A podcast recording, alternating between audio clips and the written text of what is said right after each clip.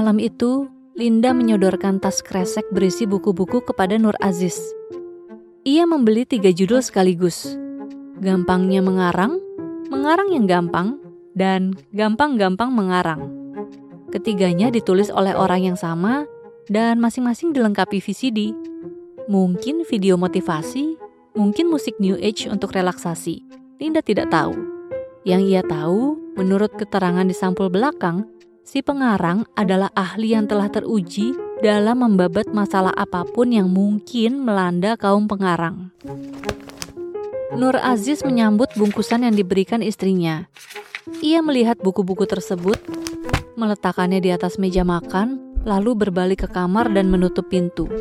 Menutup, bukan membanting.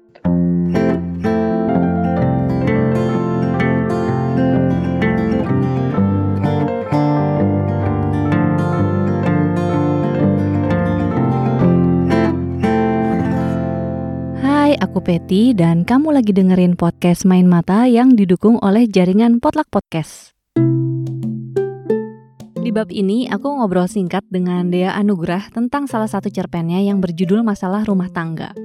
Cerpen ini bisa kamu baca di dalam buku kumpulan cerpennya Dea yang judulnya Bakat Menggonggong.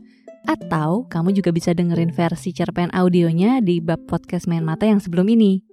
Jadi, cerpen masalah rumah tangga ini bercerita tentang kegagalan komunikasi di antara sepasang suami istri. Jadi suaminya tuh punya satu kebohongan yang dia nggak mau istrinya sampai tahu. Makanya dia menciptakan kebohongan lain supaya perhatian si istri ini teralihkan ke kebohongan itu. Biar si suami bisa nyelesain kebohongan dia yang pertama tanpa perlu istrinya tahu.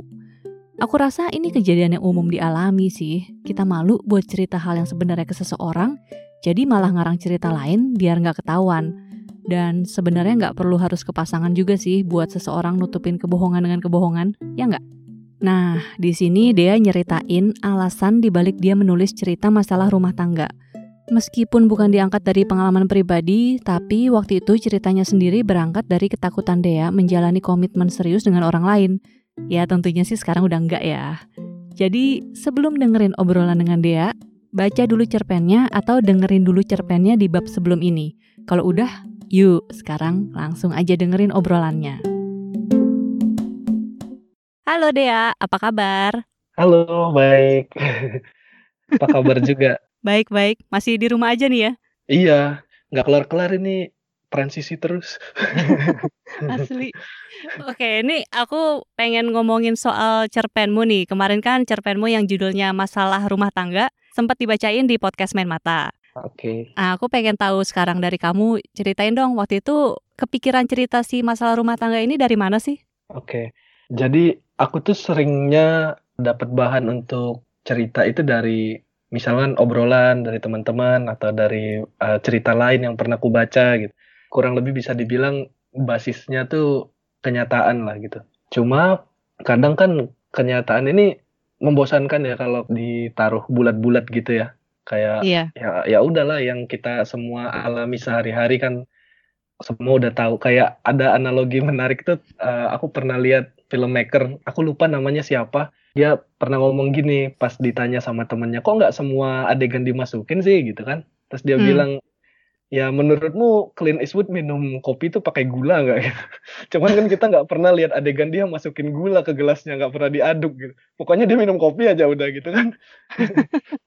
Kayak Eh, nggak perlu tahu gitu ya Iya, sebenarnya. nggak perlu tahu. Jadi kayak ada yang bilang cerita itu merupakan biografi seorang tokoh, tapi hanya yang bagian-bagian terbaiknya aja yang diambil gitu. Nah, Hmm. proses aku nulis cerita pun kebanyakan begitu gitu. Aku mulai dari ada satu kenyataan gitu yang aku dengar atau aku baca, tapi terus gimana ya cara membuat kenyataan ini jadi lebih menarik. Di situlah terus aku melakukan fabulasi atau melengkapi dengan karang-karangan gitu, menambahkan detail-detail yang tadinya nggak ada, gitu, menambahkan perkembangan baru di ceritanya gitu.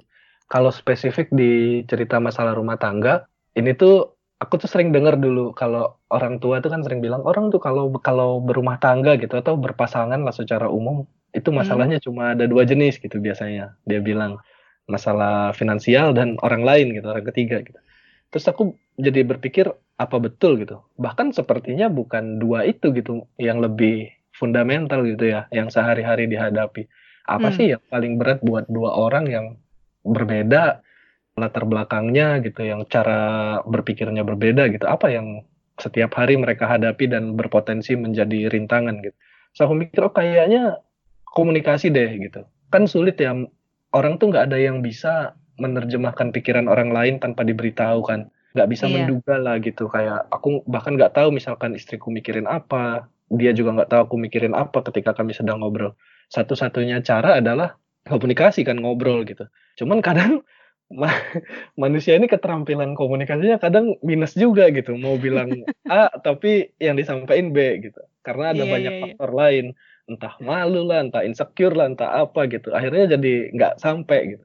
Nah, gagasan dasarnya cerita masalah rumah tangga itu begitu sih. Eh, apa sih Hmm. masalah rumah tangga? Nah, inilah gitu. Hmm, oke. Tapi setuju sih kalau masalah rumah tangga tuh komunikasi memang paling bener. Karena kalau misalnya finansial, asal mungkin mereka komunikasinya jalan ya, mungkin masih bisa diatasi ya bareng-bareng tuh mau gimana nih gitu. Minimal kalau komunikasinya lancar, eh, Hmm. ekspektasinya nggak tabrakan sama kenyataan. Misalkan, ya paling nggak dua-duanya tahu sama-sama nggak punya duit gitu kan. Iya iya iya. Jangan-jangan dari sebelum nikah juga saling nggak tahu kan kita nggak tahu gimana ceritanya. Terus waktu inget juga waktu dulu sebelum nikah gitu ya, aku juga ada kan aku dari Kristen Katolik ya. Jadi ada kursus pranikah tuh. Heeh. Waktu itu ikut agama Kristen. Terus dari pendetanya juga bilang, iya pokoknya yang dimasalahin sama pendetanya nih komunikasi dengan pasangan nih harus bener gitu. Terus komunikasi itu bukan cuma sekedar ngobrol doang ya, tapi kayak cerita tentang hal-hal yang terdalam dari diri kita mungkin yang nggak pernah diceritain ke orang lain. Ya itu kan susah banget ya. Eh, gimana ya? Terlalu banyak lapisannya kan. Untuk kalau aku bilang begini nanti gini gitu, nanti malu, nanti apa. Iya. Oh, Ini cerpennya, ini Hah? ya, beda beda apa? Beda gereja ya?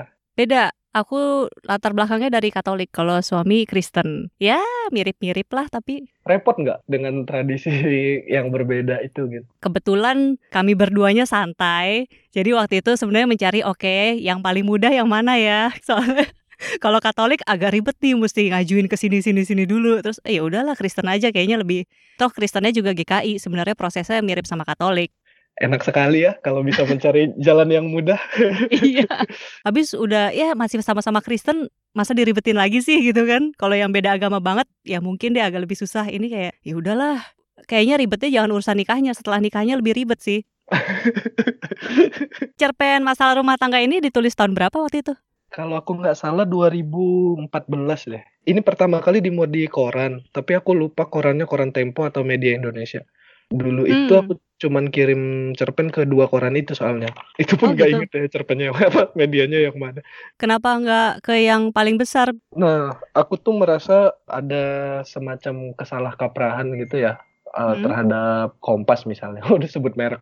Kan dia memang koran yang tirasnya paling gede kan. Mm-mm. Terus paling layak juga honornya buat penulis paling besar gitu. Cuman kan nggak berarti segala kebesaran itu menjamin mutu literernya kan. Itu bisa aja koran yang besar yang tirasnya banyak, apa ya rubrik sastranya dijaga oleh orang yang tidak bisa memilih dengan baik misalnya. Nah, Hmm. mm, aku merasa kurang sesuai aja gitu. Oh, Oke. Balik lagi ke si cerpen nih. Kamu pernah mengalami sendiri nggak masalah komunikasi ini? Soalnya di masalah rumah tangga ini kan sepertinya ada sesuatu yang ditutupi dengan kebohongan lain kan? Mm-mm. Kalau secara spesifik kasusnya itu sih nggak, bukan pengalamanku sih. Aku cuma pernah dengar gitu ada temen yang itu kan ceritanya tentang si laki-lakinya impoten gitu, tapi nggak Mm-mm. pernah bisa bilang ke istrinya kan masalahnya. Malah Mm-mm. melebar-lebar ke masalah lain lah, bilang pekerjaannya nggak lancar lah, apalah. Iya iya iya. bantu gitu. Aku pernah dengar cerita kayak gitu karena kan insecure kan, jadi sulit mengungkapkan yang sebenarnya. Kalau yang mirip-mirip untuk kasus lain sebelum nikah sih sebenarnya justru. Aku kan nikah Hmm. baru nih baru bulan Februari kemarin. Hmm. A- ada aja masalah kayak gitu misalkan nggak punya uang gitu tapi mau bilang nggak enak karena nanti dikasih uang gitu ada aja gitu jadi kacau gitu aku tuh pernah baca satu cerita di dalam novelnya Vonnegut aku nggak inget novel yang mana tapi ceritanya kira-kira kan dia ada tokoh namanya Gregor Traut Gilbert Trout ini penulis cerita-cerita science fiction gitulah. Oh, ini kayaknya nama ini muncul juga di salah satu cerpenmu deh. Iya, Yang Gempa Waktu ya? Gempa Hmm. Waktu itu sendiri judul novelnya Vonnegut kan. Nah, di situ ada cerita, ceritanya ditulis oleh Kilgore Trout. Dia bilang, pernah ada alien katanya datang ke bumi. Si alien ini tahu rahasianya cara menyembuhkan kanker gitu. Masalahnya dia nggak bisa berkomunikasi dengan cara manusia gitu. Di planet asal si alien ini, mereka tuh ngobrolnya dengan cara kentut gitu loh. Jadi si alien ini datang mau menyelamatkan manusia, datang ke sebuah rumah yang ada ada peternakannya gitu, datang malah kentut-kentut gitu, malah dipukulin sampai mati. Jadi, jadi kayak terlepas dari niatmu apa gitu, terlepas dari yang mau kamu upayakan tuh kebaikan buat orang lain, ketika komunikasinya gagal ya berantakan. Aduh itu ironis banget ya, kasihan banget. Iya, dan itu kebetulan memang salah satu tema utamanya Vonnegut juga kan, kayak kegagalan komunikasi gitu. Kayak kita nggak bisa saling paham lah gitu sama manusia. Oke, berarti kamu sering membaca cerita-cerita tentang kegagalan komunikasi, terus Heeh. bikin kamu ini gak sih, takut gak sih berkomitmen gitu sama orang? Tadinya takut banget, tadinya takut dan karena takut malah jadi sinis kan. Jadi kayak aku nggak ngerti juga ya. Kadang waktu dulu itu ada semacam fase aku merasa kayak ya aku punya pikiran kayak gini misalkan sinis lah gitu terhadap komitmen gitu. Terus merasa itu tuh benar sekali itu loh, tidak terbantahkan gitu lah. Jadi kayak oh semua orang pasti mengalami gitu, oh semua orang pasti pasti kesulitan gitu. Hmm. Uh, mungkin karena masih muda kali ya jadi kayak naif gitu lah ngerasa pasti begini gitu pasti terjadi pada semua orang gitu jadi akhirnya dengan cara berpikir kayak gitu aku waktu itu menutup diri dari kemungkinan-kemungkinan lain gitu padahal ada aja caranya gitu yang lain ada Hmm. celahnya gitu memang nggak pernah mudah tapi bukan berarti nggak bisa dilakukan kan ini sebetulnya cara berpikirku udah banyak berbeda dari ketika aku menulis cerpen itu gitu Berarti lima tahun kemudian nih ya. Mungkin kalau ditulis ulang sekarang nggak akan sesinis itu kali ya. Oke, tapi orang biasanya makin sinis tuh ketika dia makin bertambah umur loh. Iya, kebalik ya? ya malah Iya, ini dari muda udah sinis. kayak Benjamin Terus- Button. Iya bener kebalik. Terus apa yang bikin kamu akhirnya yakin, maksudnya bisa sinisnya itu bisa hilang atau mungkin berkurang ya? Dan sekarang malah sampai ya berkomitmen seumur hidup lagi kan? Iya, sekarang malah jadi bucin. Aku nggak ngerti juga sih, Pet, kapan namanya tahapan perubahan cara berpikir itu, tapi kukira pengalaman kan nambah gitu. Terus aku mungkin ketemu orang yang sebelumnya belum pernah kutemui gitu. Kayak tahu lebih banyak lah gitu. Ketika tahu lebih banyak, oh ternyata nggak seperti yang kubayangkan gitu. Atau mungkin karena dulu sebetulnya diam-diam aku mengharapkan ada sesuatu yang ideal mungkin ya. Kayak mungkin diam-diam aku punya bayangan ideal tentang hubungan tuh harusnya begini gitu, harusnya begitu. Harusnya orang bisa berkomunikasi dengan baik, harusnya orang tidak gampang marah, gitu. harusnya orang mau lebih banyak mendengarkan ketimbang bicara. gitu. Tapi ketika harapan itu tidak terwujud di kenyataan kan jadinya jengkel mungkin ya. Nah, mungkin dari situ Hmm. jadi, jadi sinis gitu. Makin ke sini aku makin nggak nggak berharap yang aneh-aneh sih. Kayak kayak adanya 10 ya 10 syukur gitu. Ada 12 ya syukur 12. Jadi mungkin karena udah udah melepas keharusan gitu, melepas keinginan mencapai yang ideal kali ya. Hmm, oke. Ya karena yang ideal itu juga kayaknya memang tidak ada ya. Mm-mm.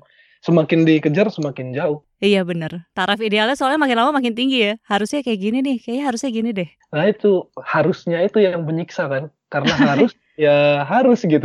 Kalau Hmm. enggak putus asa gitu. Iya iya iya iya, benar benar benar benar. Oke, kalau begitu thank you Dea buat ngobrol-ngobrolnya soal si cerpen ini. Kita tutup dulu ya. Oke, dadah. Terima kasih ya buat kamu yang udah dengerin obrolan soal cerpen masalah rumah tangga dengan Dea Anugrah. Nah, jangan lupa dengerin cerpen audio masalah rumah tangga di bab sebelum ini dan ada juga dua obrolan lainnya dengan Dea Anugrah di podcast Main Mata. Jadi, kalau kamu suka dengan konten yang kami sajikan, kami akan berterima kasih sekali jika kamu mau merekomendasikan bab ini atau podcast Main Mata secara keseluruhan ke teman-teman kamu yang suka baca buku.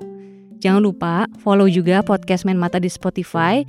Terus beri dukungan ya buat jaringan Potluck Podcast dengan follow dan subscribe di SoundCloud, YouTube, dan lainnya. Untuk informasi lengkap seputar episode terbaru yang akan tayang dari channel-channel podcast yang ada, follow jaringan Potluck Podcast di Instagram @potluckpodcast. Sampai jumpa lagi. Dadah.